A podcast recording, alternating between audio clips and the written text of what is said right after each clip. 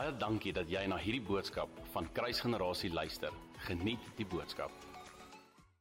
Moderne terme sal ons sê alignment is om op dieselfde bladsy te wees met iemand anderste. Uh alignment is om in so orde te wees dat jy kan funksioneer. Met ander woorde wanneer jy misaligned is, gaan jy nie normaal funksioneer nie. Of miskien gaan jy funksioneer, maar jy gaan nie noodwendig perform nie. En vergewe maar my slang. Uh dit is maar wie ek is. Uh so dis belangrik vir ons om te weet dat as jy nie in lyn is nie, dan gaan jy nie normaal funksioneer nie. En as jy funksioneer, gaan jy nie perform nie.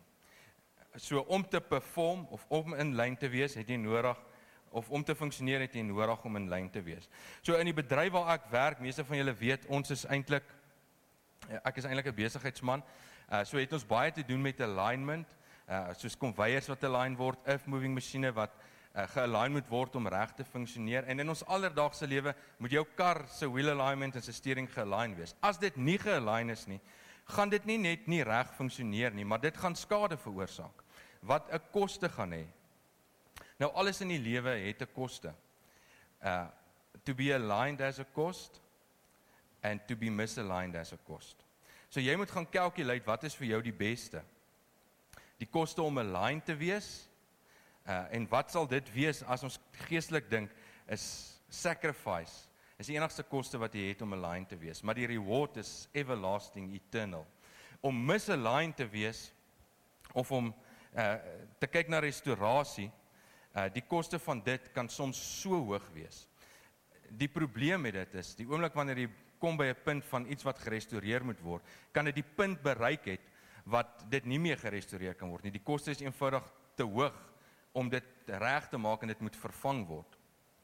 En jy wil jouself geestelik nie op so 'n plek kry nie. Dit alles gesê, wil ek hê dat ons vir 'n oomblik ons oë toemaak, maar voor jy oë toemaak, wil ek vir jou verduidelik. So maak lees oop. Ek wil hê jy moet jou jou oë toemaak en vir 2 minute lank. En jy gaan nou sien hoe lank is 120 sekondes regtig. Vir 2 minute lank wil ek hê jy moet net jou thoughts gather. Ek wil net hê dit wat jy dink, uh wees bewus van dit wat in jou gedagtes aangaan. En uh dan vat ek dit verder. So neem 2 minute, maak jou oë toe en wat ook al nou in jou gedagtes is, maak seker jy weet wat dit is wat in jou gedagtes aan die gang is.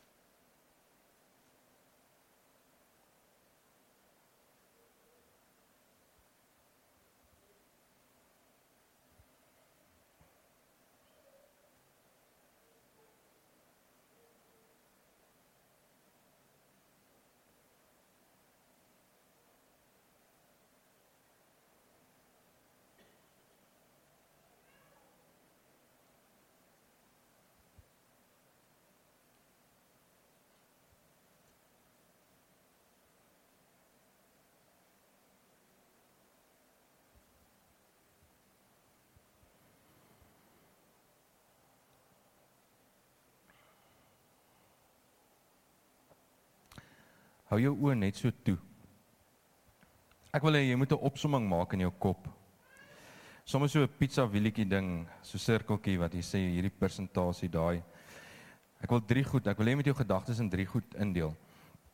Ek wil hê jy moet vir jouself uitmaak persentasie gewys hoeveel van die gedagtes wat jy nou net gehad het, is goed wat eintlik afgehandel is. Goed wat agter jou moes gewees het, goed wat in jou verlede is, goed wat eintlik nie meer saak maak nie waarna jy sit en dink en sit en oortop. Hoeveel van die goed wat jy gedink het is elke dag goed. Goed wat nou besig is om in jou lewe te gebeur. Uh goed wat dalk vandag gebeur het, dinge waarmee jy tans besig is. Hoeveel van jou gedagtes is gebind om dit?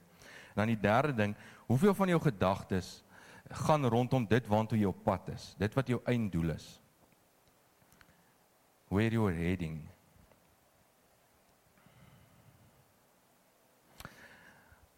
As jy dit uitgesorteer het, kan jy jou oë oopmaak. En dan wil ek hê jy moet vashou aan daai gedagte. Ons gaan nou nou terugkom na dit toe van waar jou gedagtes nou was.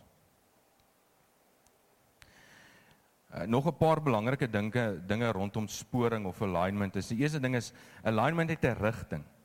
Uh iets moet in 'n rigting gealign word. Uh partykeer word goed in dieselfde rigting gealign. Partykeer word twee goed in presies die teenoorgestelde rigting gealign. Vir 'n rad byvoorbeeld, moet die een moet die kant toe reg loop sodat die ander aan daai kant toe kan regloop en daai tipe van goed. So is dit in ons geestelike lewe. Is dat ons het nodig om 'n rigting te hê en ek gaan nou na die woord toe gaan. Ek wil net 'n paar feite noem en ek noem spesifiek hierdie paar goed want ek wil hê dat wanneer ek by die woord kom en wanneer ons hierdie goed uit die woord uit sien oor hoe dit verkeerd geloop het en hoe dit moet regloop, dat jy die twee goed bymekaar kan bring van hoe dit in realiteit is en dinge wat in jou elke dag se lewe gebeur en hoe dit in die ou dae gebeur het, hoe dit veronderstel is om te gebeur.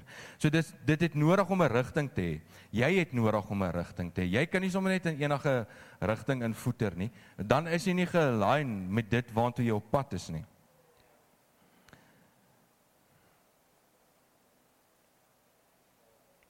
Ons ons sig en ons gedagtes en ons geloof is is iets wat ons nodig het om in lyn te bring. Dit is nie die alfa en omega van ons evangelie vandag nie. Maar ek wil vir jou sê as jy dit kan regkry om jou sig en jou gedagtes en jou geloof in lyn met mekaar te kry, dan gaan jy iewers heen op pad wees en dit gaan waarskynlik die beloofde land wees. En ek gaan dit vir jou wys vanaand. En ek ek is so bewus van wat in Hebreërs 12 vers 2 staan looking unto Jesus en jy weet daai woord looking wat beteken having eyes for nothing but Jesus. So as jou oë net op Jesus gerig is, dan wil ek vir jou sê is daar amper nie 'n manier dat jou gedagtes iewers anders te kan wees nie. Uh maar as jou oë nie net op Jesus gerig is nie en jou oë dwaal, dan gaan jou gedagtes dwaal. En as jou oë en jou gedagtes dwaal, dan gaan jy vyf issues hê dan gaan dit goed wees want jy ons sien goed in die wêreld, ons sien goed in die alledaagse lewe wat vir ons nie sin maak nie, wat ons vir mekaar moet sê, hoe word dit toegelaat? Hoe kan dit gebeur? So in die oomblik wanneer jou oë en jou gedagtes sy trek, dan gaan jou geloof 'n issue hê. So ons het nodig om seker te maak ons wat ons sien, wat ons dink en wat ons glo is in lyn met mekaar. Nou ek wil 'n paar skrifgedeeltes deel om spesifiek te wees 9. En hierdie gaan dalk 'n rukkie vat eh, en al 9 van hierdie skrifte sê eintlik presies dieselfde ding. Dit gebeur net op 'n ander manier, maar ek wil al hierdie skrifte deel vir 'n rede. Ek wil vir julle wys hoe misaligned Israel was nadat hulle uit Egipte uitgelei is.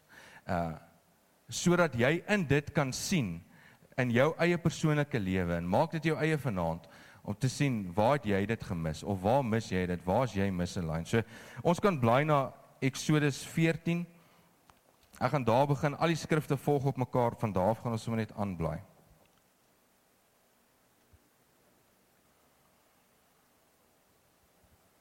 Eksodus 14 vers 11 en 12. Ek gaan uit die New King James Version hierdie gedeelte lees. Exodus 14 11 en 12. Then they said to Moses, because there were no graves in Egypt, have you taken us away to die in the wilderness? Why have you so dealt with us to bring us out of Egypt? Is this not the word that we were told to in Egypt, saying, Let us alone that we may serve the Egyptians?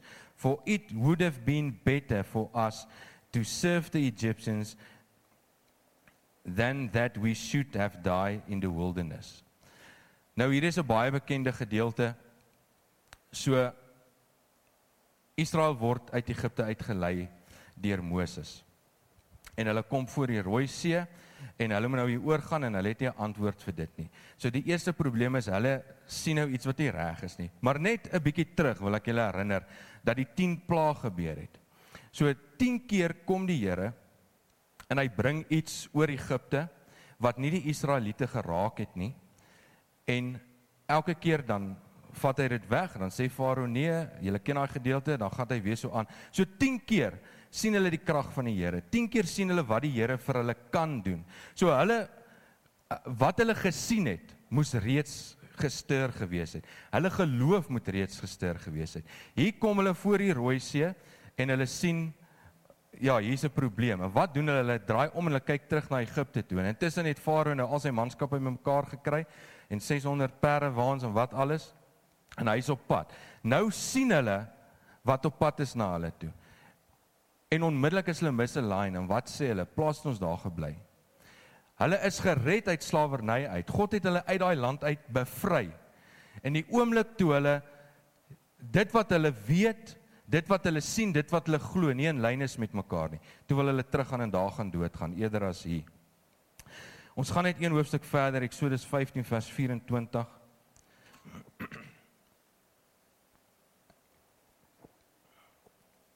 Nou weet ons wat het gebeur. Uh die Here maak die see vir hulle oop, hulle trek deur die water.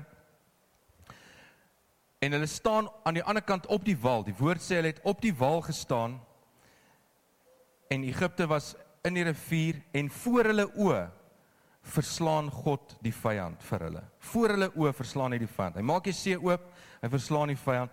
Nou, hulle het dit gesien. Hulle weet dit. Hulle geloof moet soos so gestuur wees op hierdie oomblik. Net 'n hoofstuk verder en die wind het teruggeblaai. 15 vers 24. And the people complained against Moses saying, "What shall we drink?" Nou is hulle by die water van Mara en die water is brak of bitter, net hang af wat se vertaling jy lees. Hulle is nou net deur alles wat hulle gegaan het. Nou is hulle dors. Nou moan hulle, sê die water is nie lekker nie. Plaas het ons daar gebly. Plaas het ons daar dood gegaan. Weereens. Net nog een hoofstuk verder, 16 vers 3. Hulle was nou net dors, nou is hulle honger. Hier is die gedeelte waar waar daai hele gedeelte daai hele gedeelte van waar waar God die manna vir hulle gegee het eh, en so aan en hoor vers 3 en dan gaan ek vers 20 lees And the children of Esau said to them, Oh, that we had died by the hand of the Lord in the land of Egypt, when we sat by the pots of meat, and when we ate bread to the full, for you have brought us un- us out into the wilderness to kill the whole assembly with hunger. Die Here het hulle nou al hoeveel keer gered? Hy het hulle nou net twee keer gered. Hy het nou net die water vir hulle soet gemaak, né? Nee? Nou is hulle honger. Nou sê hulle op plaas ons daar gebly. Daar was vleis en brood, plaas ons daar gevrek, hè? sien julle wat sien julle wat gebeur wanneer dit wat jy sien dit wat jy weet en dit wat jy glo nie in lyn is met mekaar nie vers 20 hoofstuk 16 vers 20 not Notwithstanding, they did not heed Moses, but some of them left part of it until morning, and it brew worms and stank, and Moses was angry with them. Dis daai hele gedeelte jy sal onthou, uh as jy dit nog nie gelees het nie, moet jy begin Bybel lees. Maar die Here het manna gestuur en vir hulle gesê dat hulle net genoeg moet bymekaar maak vir een dag. Die Here het mos nou al vir hulle gewys hoe hy kan voorsien. Hulle behoort te weet hoe hy gaan voorsien. Hulle behoort hom nou al te glo. Nou sê hy versamel vir een dag. Nou versamel hulle vir meer as een dag. Môreoggend nou sit vrot en vol wurms. Nou is hulle kwaad. Nou is hulle ongelukkig want dit wat die Here voorsien het, het nou suur geraak. Eksodus 17 vers 2 tot 3.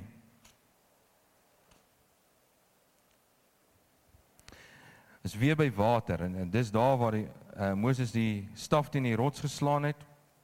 Ek lees net vers 2 tot 3. Therefore the people contended with Moses and said, "Give us water that we might drink." So Moses said to them, "Why do you contend with me? Why do you tempt the Lord?" Voor ek vers 3 lees, nê. Nee, dit dis skerry om te dink 'n volk vir wie God so baie gedoen het, nê? Nee, en na wie toe gaan hulle as hulle hulp nodig het? Hulle het nie eens 'n verhouding met God nie. Niks wat jy van kan lees nie. Hulle gaan na Moses toe. Hulle is veronderstel om op 'n plek te wees waar hulle reguit na God toe kan gaan en met God kan praat, met God kan redeneer. Hierdie goed met hom uitsorteer. Maar nee, hulle gaan na Moses toe. Vers 3 And the people thirsted there of uh, for water, and the people complained against Moses and said, Why is it you have brought us up out of Egypt to kill us and our children and our livestock of first? Weer eens sit hulle met 'n probleem voor hulle, gaan nie na die Here toe nie, gaan na Moses toe en weer eens verloor sig, vergeet wat die Here gedoen het. Geloof is non-existent sê Plaas het ons teruggegaan soontoe. Plaas het ons daar dood gegaan. Ek weet ek sê dit oor en oor, maar ek wil seker maak julle sien wat ek sien. Uh, Eksodus 32 vers 7. 7 tot 10.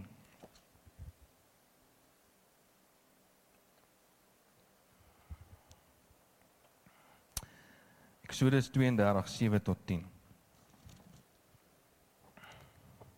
And the Lord said to Moses, Go get down, for your people whom you brought out of the land of Egypt have corrupted themselves. They have turned aside quickly out of the way which I commanded them.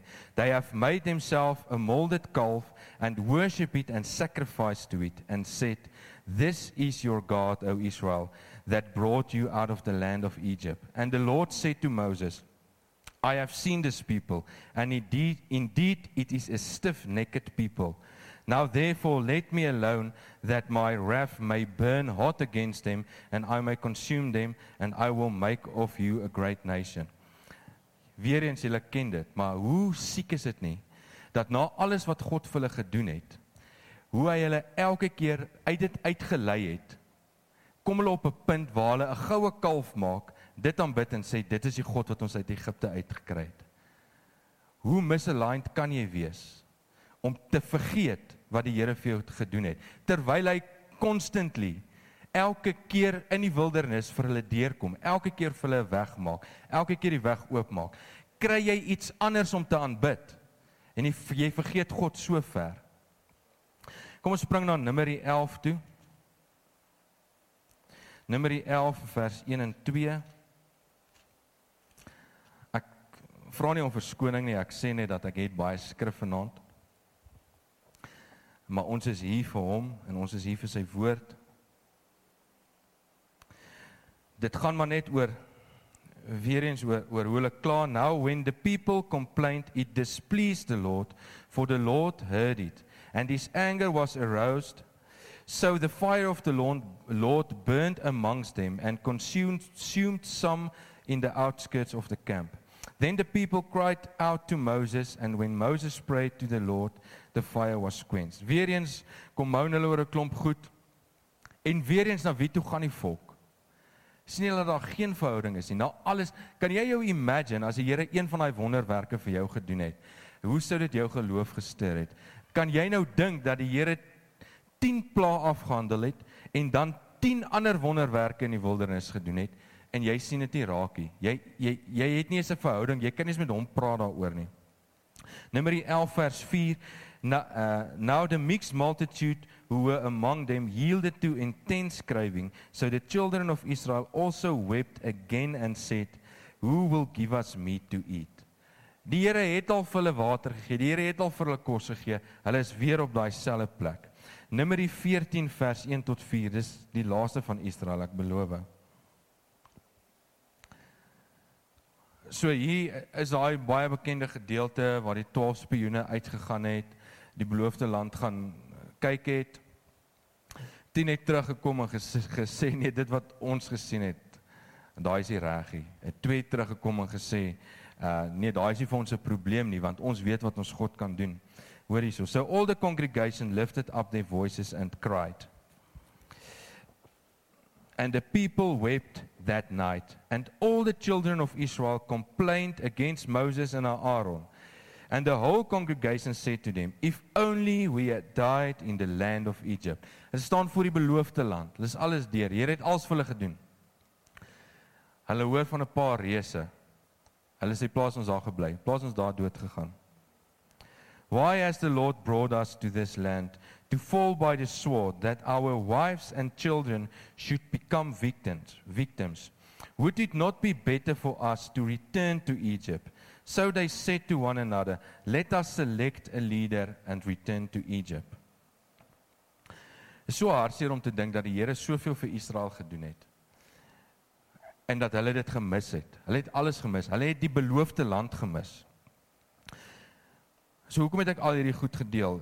Ja, dis dit is 10 keer wat Israel glad nie vir die Here geluister het nie. Hulle was heeltemal ongehoorsaam. Hulle was heeltemal uit lyn uit geen geloof gewys nie en geensins gewys dat dit wat hulle sien en dit wat in hulle gedagtes is en dit wat hulle glo in lyn is met mekaar nie. Kom ons blaai na Psalm 78. Ek gaan uit die Afrikaanse Bybel lees.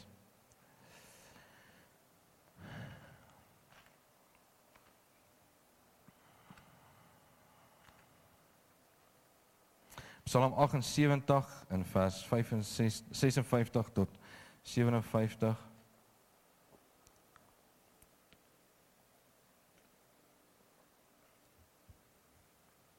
So hierdie gedeelte verwys nou terug na hierdie hele journey van Israel.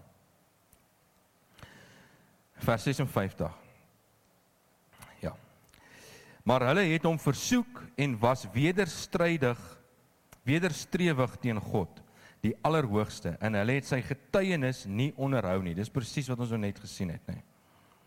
En hulle was afvallig en het troueloos gehandel soos hul vaders. Hulle het omgedraai soos 'n bedrieglike boog. Daai woord bedrieglike boog in die Engels praat hulle van 'n deceitful bow. Uh dis dis iets wat dit dis half soos 'n aftemake ding. Dis iets wat lyk soos 'n boog. As jy hom kyk, dis 'n boog. Hy het 'n pyl, hy het 'n string, hy het alles, hy lyk soos 'n boog. Maar die oomblik wanneer jy hom wil gebruik, die oomblik wanneer die pressure of die battle voor jou is, dan kan hy nie die pile reg skiet nie. Hy kan nie die pile reguit skiet nie. Dis waarna verwys word hierso. En God kom en hy verwys hier na hierdie deceitful bow en hy en hy verwys na dit as sy huwelik met Israel. Om te sê dit is hoe sy huwelik met Israel lyk. Hulle hulle is soos 'n deceitful bow. Hulle lyk soos committed. Hulle hulle lyk soos hulle is in dit en hulle trek vorentoe en hulle alles. Maar die oomblik as as die pressure daar is, dan kan hulle nie pile skiet nie. Dan dan is hulle deceitful. Hy verwys ook in Esegiel 16. Uh jy kan slank daartoe blaai Esegiel 16.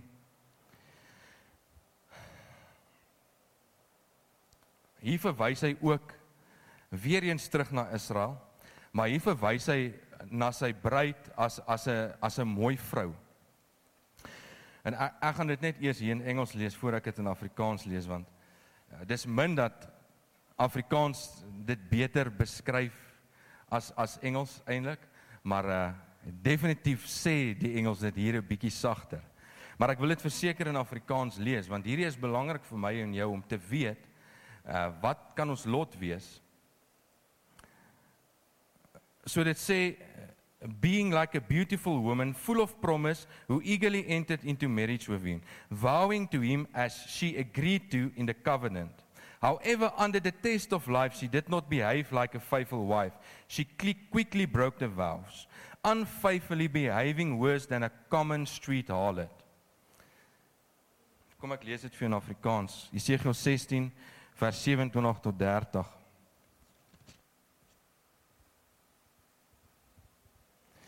En kyk, ek het my hand teen jou uitgestrek en vir jou bestemde deel verminder. En ek het jou oorgegee aan die hebsug van die wat jou haat, die dogters van die Filistyne wat hulle geskaam het oor jou ontugtige wandel, ontugtige wandel. Verder het jy gehoreer met die kinders van Aser omdat jy nie bevredig was nie. Ja, jy het met hulle gehoreer en is tog nie bevredig nie. En jy het jou hoerery vermenigvuldig na die koopmansland van Galdia en ook daarmee is jy nie bevredig nie. Hoe smagtend is jou hart, spreek die Here, Here, dat jy al hierdie dinge gedoen het, die werk van 'n onbeskaamde hoer. So hier's wat hier's wat hy sê, dis hoe sy bruid lyk wat nie in lyn is nie. Uh hy hy lyk in lyn. Hy lyk of alles lyk goed, alles lyk reg. Maar die oomblik as die pressure daar is, dan dan breek hy die vows, dan dan kan hy nie meer die pyl skiet nie. En hoe lyk jy? Jy lyk soos 'n soos 'n common street harlot, soos 'n 'n 'n straathoer. Dis wat die woord sê hierso. En ek wil jou vra vanaand. Hoe in lyn is jy? Hoe lyk jou boog? En kan ek jou vra, staan waar staan jy voor die troon of op die straathoek? Hoe in lyn is jy? Dit wat jy sien, dit wat jy weet en dit wat jy glo. Op die einde het Israel die promised land gemis. Hulle het die die die beloofde land gemis. Besef jy dat jou misalignment vir jou die oorsaak kan wees dat jy die beloofde land gaan mis eendag? Besef jy die gevaar dat as jy jou oë van die einddoel af haal dat jy ook die hele tyd gaan terugkyk na dit wat jy eintlik al afgeskit het en dit wat eintlik al verby en verlore is vir jou.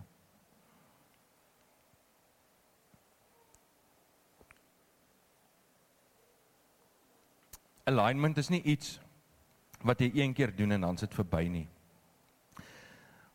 Ek wil sê alignment is 'n daaglikse ding, maar ek wil eintlik vir jou sê alignment is 'n elke oomblik se ding.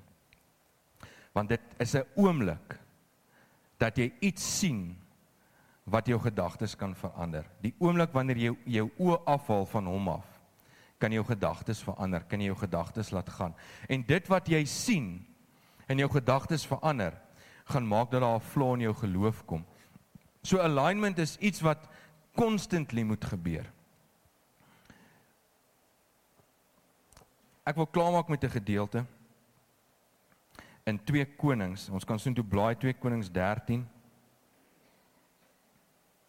So hierdie is half 'n instruksie of 'n 3-punt plan vir jou om seker te maak dat jy is aligned of om jou alignment reg te kry of om jou te help dat wanneer jy jou alignment verloor om terug te kan dink om te sê hierdie drie goed is belangrik. Ek moet hier seker maak hierdie drie goed is in lyn. So kom ek lees dit eers vir ons 2 Konings 13. Dis ook 'n lywige stukkie vers 14 tot 20.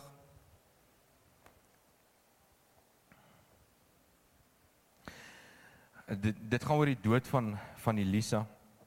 Now Elisha had become sick with the illness of which he would die. Then Joash, the king of Israel, came down to him and wept over his face and said, Oh, my father, my father, the chariots of Israel and their horsemen. And Elisha said to them, Take a bow and some arrows. So he took himself a bow and some arrows. Then he said to the king of Israel, Put your hand on the bow. So he put his hand on it, and Elisha put his hand on the king's hand. And he said, Open the east window. And he opened it. Then Elisha said, Shoot. And he shot. And he said, The arrow of the Lord's deliverance and the arrow of deliverance from Syria, for you must strike the Syrians at Aphek. Still you have, still you have destroyed them. Then he said, Take the arrows. So he took them, and he said to the king of Israel, Strike the ground. So he struck three times and stopped. And the man of God was angry with him and said, You should have struck five or six times. Then you would have struck Syria till you had destroyed it. But now you have struck Syria only three times. Then Elisha died, and they buried him. And the raiding bands of Moab invaded the land in the spring of that year.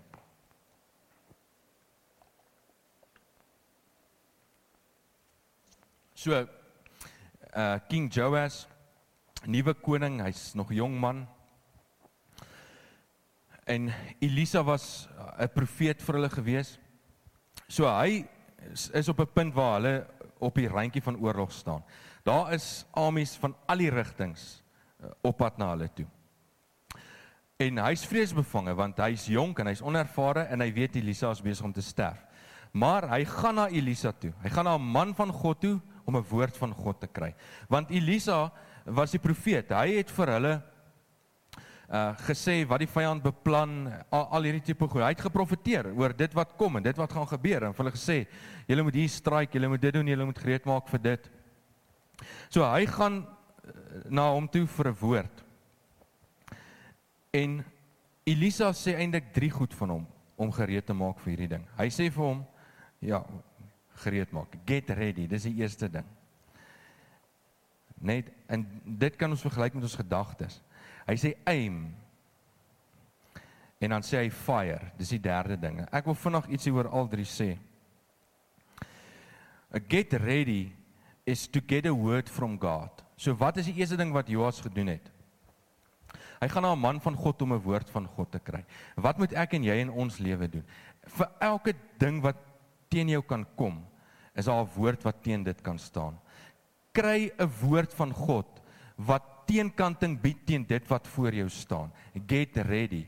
Kry iets wat hier in jou gedagtes vir jou sê. Dit maak nie saak wat hierdie is nie, want God het gesê. Hy sê vir hom get a bow and arrows, né? Nee? So die woord is ons ons bow and arrows. Uh, ons moet dit skiet. Hoe skiet ons dit? Deur daai belofte te praat. In sickness speak healing. In lack speak speak providence. Uh in sickness healing, in fear peace, in lack providence, nê. Nee. Sê daai woord. Hê daai woord in jou gedagtes. Staan op daai woord. Die tweede ding wat hy sê is aim. Wat is dit om te aim? Is to stay focused on what is important. Moenie jou oog verloor van die woord af nie. Jy het nou net reg reg gekom, you got ready. Nee, jy het 'n woord van God af. Bly fokus, gefokus op daardie woord. Uh Elisa sê vir hom open the east window. Jy kan nie as die woord sê open the east window die noordoos en suid venster gaan oopmaak nie. Daar's 'n rede hoekom Elisa vir hom gesê het om daai venster oop te maak. Sirië was op pad. Dit was die grootste volk. En Elisa het geweet dat dit is die volk wat hy moet eers verslaan, want as hy hom verslaan, sal hy die ander in sy hand kry. Uh so hy het nodig om te staan op die woord wat Elisa nou net vir hom gegee het. Jy het nodig om te staan op die woord wat die Here vir jou gegee het. Open the east window. Nie die noord, noord en die suid en die wes nie. Jy kan nie al die klein battles op dieselfde tyd wen nie. Doen dit wat die Here vir jou gesê het om om eers te te, te doen. Bly gefokus. Maak seker jy jy bly by die spesifieke godgerigte uh instruksies. Die derde ding is fire. Take God directed persistent action. Jy het 'n woord van hom af. Jy is gereed. Jy het geaim en ons het die voorreg om te aim uit victory uit want hy het klaar alles oorwin. So jy vat nie aim hier uit, jy vat aim uit victory uit. En al wat jy moet doen is shoot. Hy sê shoot and Elijah shot. Hy sê strike. Hy sê spesifieke woorde. Hy sê get, take, open, shoot, strike. Maar hy sê nooit stop nie. Toe Joas gestop het, toe hy kwaad vir Joas. Omdat ek het nou gesê, hier is 'n konstante ding. Hier is nie 'n ding waarmee jy kan stop nie. Shoot when it's easy, shoot more when it's difficult. Jy het nodig om besig te wees met dit wat die Here vir jou gegee het, dit wat jy sien en dit wat jy glo. Die oomblik as jy ophou met dit, gaan jy fokus verloor, gaan jy alignment verloor. Ek wil hê jy moet teruggaan na daai wielietjie toe wat jy net in jou kop gemaak het. En ek wil hê jy moet vir 'n oomblik dink, hoeveel van jou gedagtes was jy gereed Hoeveel het jy geaim en hoeveel was jy naby aan fire? En hoeveel van jou gedagtes was ver terug waar jou gedagtes nie veronderstel is om te wees nie. En om vir jouself uit te sorteer, hoe in lyn is jy? Hoe in sporing is jy? Hoe in sporing is jou gedagtes? Wat wat jou oë sien, gaan in jou kop aan. En hoeveel van wat jou oë veronderstel is om te sien gaan in jou kop aan. Hoeveel van jou gedagtes is jy op pad met waantoe jy veronderstel is om op pad te wees? Hoe gereed is jy? Hoe naby is jy aan op pad na die beloofde land toe? En dan wil ek jou uitdaag om om 'n punt te maak om jou gedagtes in lyn te kry. Ek wil jou uitdaag om 'n punt te maak om seker te maak dat jou oë gefokus is op dit wat jou oë gefokus moet wees. En ek het nodig om jou uit te nooi om seker te maak dat jou geloof in lyn is met die woord van God. Want as as jou sporing uit is, is die kans groot dat jy die beloofde land gaan mis. En wie wil die beloofde land mis? Staan jy voor die troon of staan jy op die straathoek? Hoe lyk jou boog en jou pyl? Kom ons sit net so en dan gaan ek vir ons bid. Vader, wat 'n voorreg is dit om uit die woord te kan leer, Here. Die woord wat 'n lig is vir ons pad en 'n lamp is vir ons voet, Here. In Here, ons het net nie genoeg wysheid nie. Ons het U so nodig, Here. Ons het die woord so nodig en ons is so dankbaar, Here, dat ons dit het en dat ons dit vrylik kan lees. Here, ek het net so besef in my voorbereiding hiermee dat dit so maklik is om uit lyn uit te wees, Here. Eers Here, as ons kyk na Israel en hoe hulle dit gehaat het en hoe hulle dit verloor het, Here, en ons is maar net mens. Die lewe druk soms so, Here, en daar's soveel dinge wat ons oë van U af probeer trek. Daar's soveel dinge wat ons gedagtes van U af probeer trek. Here, vanaand kom smeek ek U om ons te help om in lyn te bly, Here. Here, ek smeek U om ons te herinner wanneer ons ons oë van U afhaal waar ons oë moet wees. Heilige Gees, ek smeek U om ons te kom herinner wanneer ons ons gedagtes laat dwaal waar ons gedagtes veronderstel is om te wees. En ek smeek U, Here, dat dit wat ons verkeerdelik sien en dink, Here, niks sal doen aan ons geloof nie, maar dat ons sal bank vas staan in ons geloof, Here. Help ons om in lyn te wees met U woord, Here. Help us to never stop, Lord, but to get, to take, to pick up, to shoot, to strike. Here, ons kan nie bekostig om die beloofde land te mis nie. Ons kan nie bekostig om U te mis nie, Here. Ons het U nodig. Ons wil by U wees, Here. Wil bid Here lei ons nie in die versoeking nie, maar verlos ons van die bose. Help Here dat die temptasie vir ons oë en ons gedagtes om te dwaal minder word, Here. En dat die temptasie om ons oë meer gerig op U te hou groter word. Nie soos Israel, Here, wat weggekyk en weggedink en weggedroom het nie, Here. Terug Egipte toe, Here. Help ons Here om nader aan U te kom. Elke klein dingetjie wat U vir ons doen, Here.